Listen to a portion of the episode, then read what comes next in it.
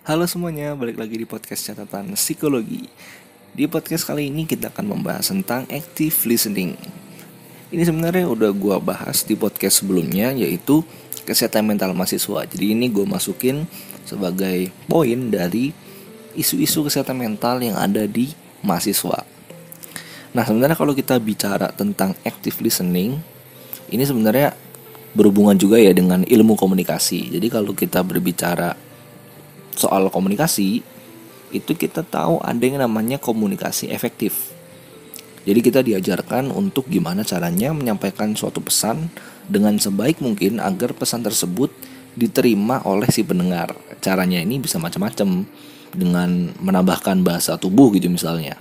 Tapi kadang itu ada salah satu poin ya dari komunikasi efektif yang kadang itu orang suka lupa teman-teman yaitu mendengarkan. Nah gimana caranya suatu pesan itu mau tersampaikan kalau si pendengar itu nggak dengerin atau si pendengar itu cuma dengerin setengah-setengah doang? Mau kita menyampaikan seefektif dan sebagus apa pun dia bakal susah. Nah itu tadi ilmu komunikasi. Karena ini podcast catatan psikologi Kita geser ke ilmu psikologi Kalau di dalam ilmu psikologi sebenarnya ilmu mendengarkan itu dipelajari di konseling. Nah jadi kalau ada teman-teman di sini anak psikologi Pasti dapat yang namanya mata kuliah konseling. Ya mungkin tiap universitas namanya beda-beda ya nggak konseling gitu. Mungkin ada nama lain tapi intinya kita membahas tentang konseling. Tapi malah terkadang itu ada beberapa anak psikologi yang kayak mereka itu lupa gitu mempraktekkan ilmu ini gitu. Jadi ilmu ini tuh mereka belajar cuman karena keperluan praktikum biasanya. Jadi mereka kalau ketika ada temennya yang curhat atau mungkin temennya yang cerita mereka kayak lupa gitu dengan ilmu konseling ini. Akhirnya juga yang kita tahu ya orang cerita malah dijudge malah gimana gitu. Ini gue nggak gue nggak mengatakan semua anak psikologi tapi yang gue temuin aja sih di kalangan teman-teman gue tuh begitu. Termasuk gue sendiri. Ya ini jujur jadi gue dulu juga belajar lah gue ilmu konseling dan gue belajar itu ya cuma karena keperluan praktikum gitu. Jadi gue dulu tuh sempet uh, lupa ya sempet tidak mempraktekkan ilmu ini gitu ke ketika ada orang yang curhat ke gue ketika ada orang yang cerita gitu. Tapi akhirnya setelah makin ke sini gue makin sadar akhirnya uh, eh, gue denger yang namanya isu kesehatan mental terus juga ada active listening ini. Akhirnya gue mulai mereview lagi deh mata kuliah gue yang dulu gue mulai baca-baca dan sudah gue praktekkan juga gitu. Jadi sekarang gue mau sharing nih ke teman-teman semua tentang active listening. Tapi pertanyaannya nih sekarang apakah jadi seorang pendengar yang baik itu cuman buat anak psikologi aja Enggak juga loh. Karena menurut gue menjadi seorang pendengar yang baik ini kayaknya sekarang itu udah harus diketahui dan malah bagus lagi tuh harus dipraktekkan sama semua orang gitu. Karena ya you know lah ya karena keadaan sekarang itu makin makin gimana ya orang itu kalau gue lihat ketika orang cerita gitu ketika orang berkeluh kesah tapi malah malah apa dijudge gitu loh.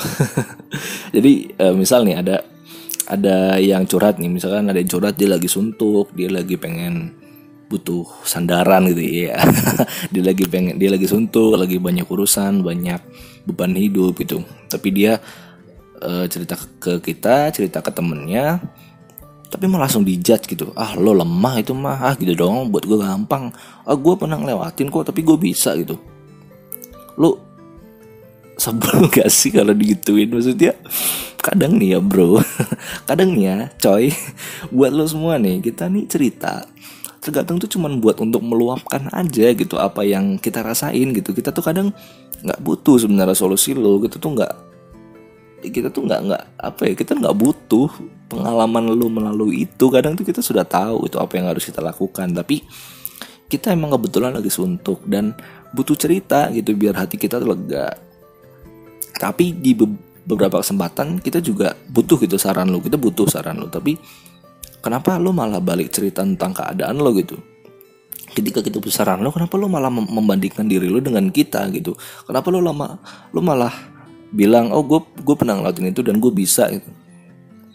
Ya itu bukan itu bukan bukan solusi gitu. Dan hal yang kayak gitu malah terkadang membuat kondisi seseorang tuh malah bertambah buruk gitu yang dia lagi stres dia lagi sedih butuh bantuan tuh malah lu nggak menyelesaikan masalah. Lu nggak memberi dia ruang untuk menceritakan dia seenggaknya melepaskan beban aja lah di hatinya. Tapi lu nggak memberi itu. Yang ada dia malah makin stres dan makin sedih gitu. Kadang emang kalau urusan komunikasi lu urusan ngomong ya lu gue yakin lu maju paling depan gitu. Gue yakin kalian semua maju paling depan. Kalau urusan menyampaikan pendapat ngomong tapi ketika mendengarkan itu misalkan mendengarkan keluhan mendengarkan orang apakah kalian juga maju paling depan ya kalau gitu sekarang kita akan bahas gimana sih caranya supaya kita bisa jadi pendengar yang baik biar semakin banyak juga orang yang bisa terbantu sama kita. Oke? Okay? Kalau dalam psikologi sendiri ada perbedaan mendasar nih antara hearing dan listening. Kalau dalam bahasa Indonesia itu artinya sama aja ya yaitu mendengar, hearing mendengar, listening juga mendengar. Tapi dalam psikologi hearing itu adalah proses sensori. Yang mana sensor yang bekerja adalah auditory. Jadi kan tubuh kita kan ada sistem uh, sensori ya, sensori. Jadi misalkan tangan ini merespon uh, sentuhan gitu kan, mata itu visual. Nah, kalau ini yang bekerja adalah auditory yaitu telinga kita. Jadi dia menerima sebuah stimulus ya, stimulus berupa suara terus langsung diproses ke otak. Jadi bahasa sesederhananya ya kayak kita lagi mendengar aja pada umumnya. Contoh kalian lagi dengerin podcast ini, ya kalian akan mendengar suara gua dan suara background musik. Nah, sedangkan kalau listening itu lebih kompleks. Jadi dia prosesnya sama kayak hearing tapi ada proses tambahan yang namanya interpretasi dan pemahaman. Contoh, kalian lagi dengerin podcast ini, kalian nggak cuma dengerin suara gua dan background musik doang, tapi kalian juga berusaha untuk menginterpretasikan dan memahami sebenarnya gue ini ngomong apa sih? Nah sebenarnya apa yang gue sampaikan di podcast ini? Nah itu tadi listening. Sampai sini paham ya? Jadi di sini gue juga mau mengajak teman-teman untuk jangan cuma hearing doang gitu. Jangan cuma asal denger doang jangan cuma masuk kuping kanan keluar kuping kiri doang gitu. Tapi coba deh kita untuk membiasakan diri untuk listening gitu coba untuk memahami apa yang disampaikan orang lain dan juga menginterpretasi meng menginterpretasikan maksud dari cerita orang itu nah di sini juga menurut teori bahwa listening itu juga disertai dengan komitmen dan komplimen. Jadi listening itu emang kita butuh effort gitu. Kita perlu niat dan perlu emang perlu keikhlasan kalau kita mau listening gitu. Jadi kalau kita hearing mah gampang ya. Ini juga orang ngobrol dari mana-mana juga itu masuknya hearing. Tapi ketika kita masuk ke listening itu perlu niat dan juga perlu keikhlasan. Nah sekarang masuk ke active listening. Yang pertama ini tipsnya adalah klarifikasi. Nah, jadi bukan YouTuber aja yang harus klarifikasi ya. dalam menanggapi curhatan orang misalnya, dalam menghadapi cerita orang, kita juga perlu mengklarifikasi. Jadi kita berikan pernyataan maupun pertanyaan dari masalah ataupun cerita yang dia berikan. Misalnya, ada yang cerita ke kita kayak gini aku stres nih belakangan ini hmm, kayak berat gitu ya kemarin aku habis ada masalah di rumah terus hari ini dapat tugas banyak banget. Terus aku juga harus ngurusin acara. Aku nih ngerasa kalau perjuanganku nih kayak nggak ada habisnya gitu aku ngerasa kosong aja. Nah daripada kita ngerespon kayak gini iya aku juga nih tugasku yang seminggu lalu aja belum selesai. Atau kita ngerespon kayak gini tuh lihat tuh si A tuh tugasnya banyak terus ngurus acara terus ada masalah juga tapi beres aja tuh nah daripada kalian merespon kayak gitu mending kalian gunakan uh, klarifikasi aja. Misalnya dengan cerita yang tadi kita respon.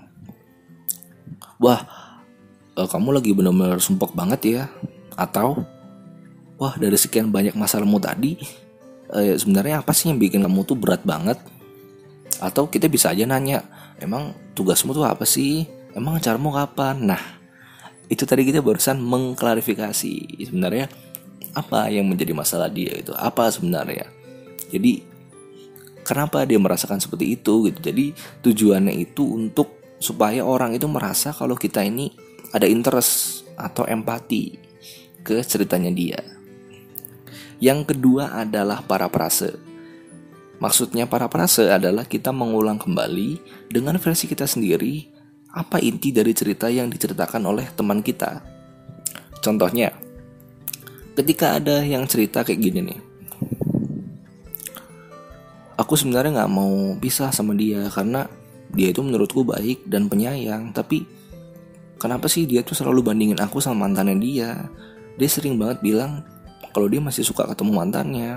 Aku kan jadi ragu dan gak betah aja sama dia. Nah, kalau respon kita para prase, kita akan merespon seperti ini. Ya emang kadang pasangan kita tuh masih belum bisa move on dari mantannya. Entah dia yang gak bisa move on atau kita yang kurang bisa meyakinkan dia.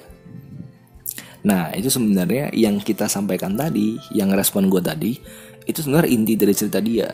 Jadi kan dia cerita kalau pacarnya masih ketemu mantannya terus sering dibanding-bandingin nah sebenarnya kan inti cerita dia tuh kalau kita cermati ya emang ada indikasi si pacarnya tuh belum move on gitu akhirnya kita coba menyampaikan kembali inti cerita dia dengan kata-kata kita sendiri Nah, jadi kita semacam merangkum lah, kita mencari intisari cerita dia, itu kita sampaikan dengan pemahaman kita sendiri. Jadi boleh nih kita kayak memakai kata-kata yang beda tuh boleh banget. Nah, kalau teman-teman merasa kesulitan dengan para prase, sebenarnya ada cara lain nih, yaitu restatement. Jadi restatement ini bedanya kita mengulangi apa yang dimaksudkan oleh si teman kita tadi tanpa mengurangi kata yang dia ucapkan. Misalnya, hmm, sebenarnya kalau dipikir-pikir sih, aku ini galau banget ya soalnya kemarin tuh gak dapet uang jajan dari orang tua aku diputusin pacar sekarang tuh aku bener-bener stres dan desperate banget deh gitu. Nah kalau kita resetment kita kan bilang oh jadi kamu belakangan ini lagi desperate banget ya? Nah itu kan kita nggak mengurangi kata-kata dia. Itu emang kata-kata yang, yang dia ucapkan gitu. Kita nggak merangkum kita nggak membuat versi kita sendiri tapi kita meresetment kata-kata dia tapi sebenarnya tujuannya apa sih restatement dan para perasa ini? Sebenarnya tujuan keduanya itu berbeda. Kalau dalam konseling antara para perasa dan restatement itu beda fungsi. Cuma sebenarnya kalau tujuannya itu kalau diambil benang merahnya ya itu tujuannya adalah kita berusaha memahami apa yang dia ceritain. Jadi kalau kita melakukan riset dan para pressing kita kan kita akan menunjukkan interest lebih kepada ceritanya dan orang tuh akan merasa kalau oh iya orang ini fokus dengerin cerita kita nih. Oh iya orang ini emang beneran merhatiin kita. Nah tujuannya adalah kita bisa mendapat kepercayaan dari si pendengar itu supaya si pendengar percaya oh orang ini beneran dengerin gua nih. Nah dan juga sebenarnya ini bisa ngetes nih sebenarnya kita paham nggak sama cerita dia? Jadi kalau misalkan kita melakukan para perase kita itu sebenarnya sekaligus ngetes itu. Jadi kita coba lempar nih pemahaman kita bener gak gitu? Jadi kalau misalkan salah kan bisa dibetulin gitu. Jadi kan memang kalau kita udah merasa yakin oh kita paham nih. Nah kita kan pasti bisa menyimpulkan lagi dengan kata-kata kita sebenarnya permasalahan dia itu apa sih? Nah sekarang yang ketiga adalah refleksi. Jadi ini bukan maksudnya pijat ya. Bukan maksudnya dia cerita terus kita pijetin gitu. Enak dong. Jadi di refleksi ini kita berusaha untuk merefleksikan perasaan dari si teman kita kalau para prase kan itu kita merefleksikan inti dari cerita. Kalau yang refleksi ini agak susah nih, yaitu perasaan. Ini udah udah mulai main perasaan nih.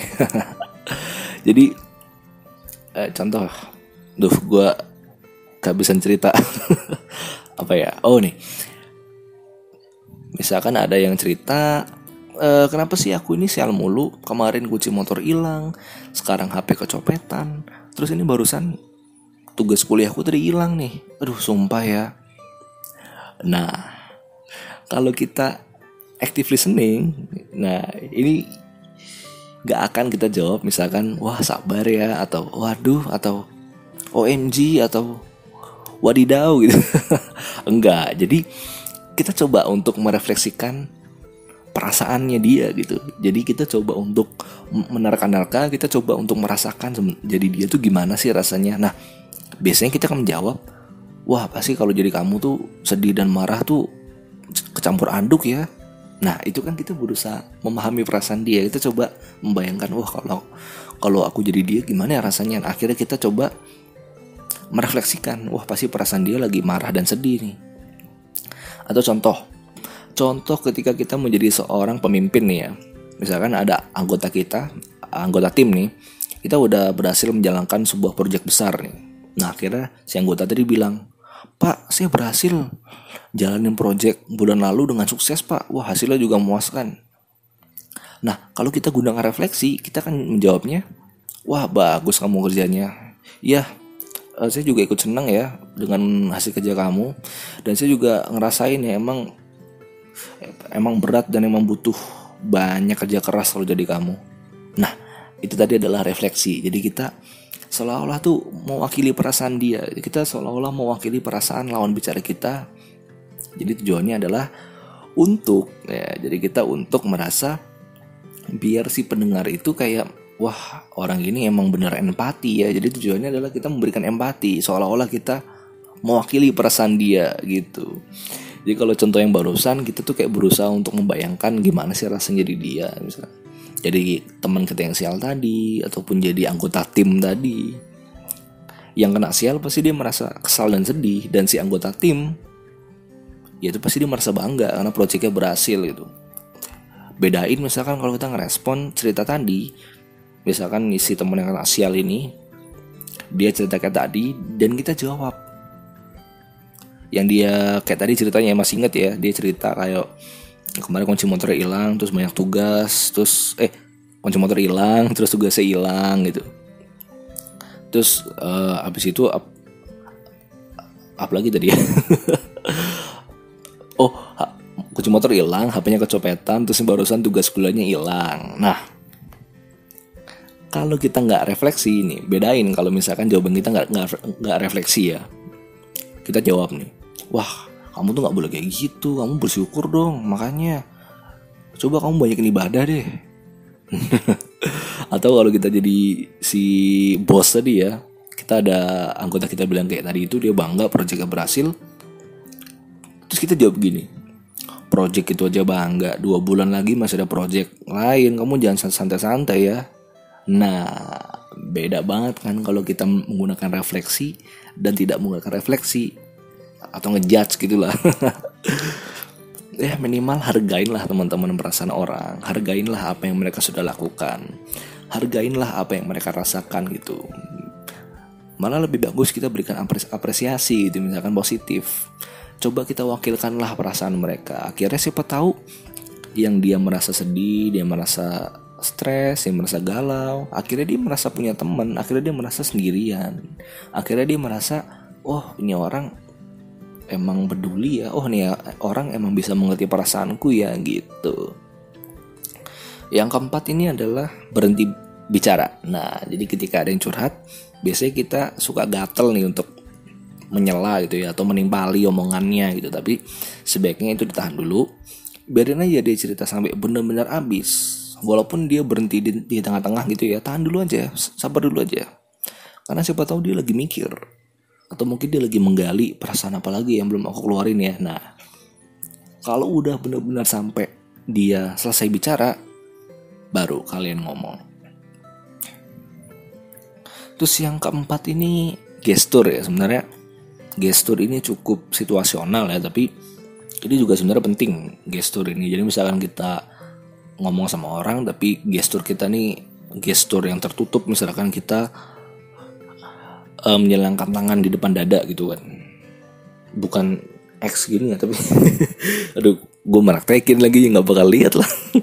Jadi kayak orang marah gitu loh paham gak sih? Kayak tangannya tuh ditaruh di depan dada gitu loh terus atau enggak berkacak pinggang. Nah pasti kan orang juga nggak nyaman kalau cerita sama kita kita gesturnya kayak gitu. Jadi uh, coba gestur kita kita ubah yang lebih open gitu. Misalkan tangan kita diletakkan di atas paha dua-duanya.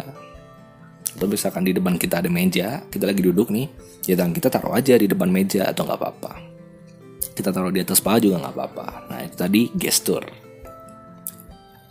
Ya itu tadi kita bahas tentang active listening. Emang active listening ini kalau kita mau terbiasa emang harus dipraktekkan ya karena karena kita ini juga punya ego gitu loh kita punya self esteem kita punya harga diri dan emang kalau kita terbiasa untuk ngejudge orang lain ya bakal susah sih untuk menatikan active listening ini. Makanya ini perlu dilatih dan juga harus dipraktekkan gitu. Ya gue di sini nggak mengatakan kalau semua orang tuh harus bisa memiliki skill seorang konselor orang tuh harus memiliki skill psikolog enggak. Jadi gue cuma ngasih info ngasih ilmu ngasih sharing aja sih. Dan pandangan aja kalau kalau kita ini jangan jangan semena-mena gitu loh dalam memperlakukan orang gitu. Terutama orang yang emang butuh bantuan. Terutama emang orang yang punya beban yang emang dia rasa berat gitu. Jadi beban yang dirasakan orang lain tuh belum tentu sama dengan kita gitu. Tiap orang tuh punya kemampuannya sendiri punya batasannya sendiri. Nggak bisa kita menyamakan standar kita dengan orang lain gitu. Dan gue juga sekarang jadi agak gemes sendiri gitu kalau ada orang yang cerita dia malah menyombongkan dirinya gitu loh kalau dia punya beban hidup yang lebih berat gitu kan. Itu ngeselin sih parah sih. Oke mungkin itu aja teman-teman untuk podcast, podcast kali ini. Semoga bisa membantu Semoga bisa memberi tambahan ilmu. Dan sampai jumpa di podcast selanjutnya. Bye-bye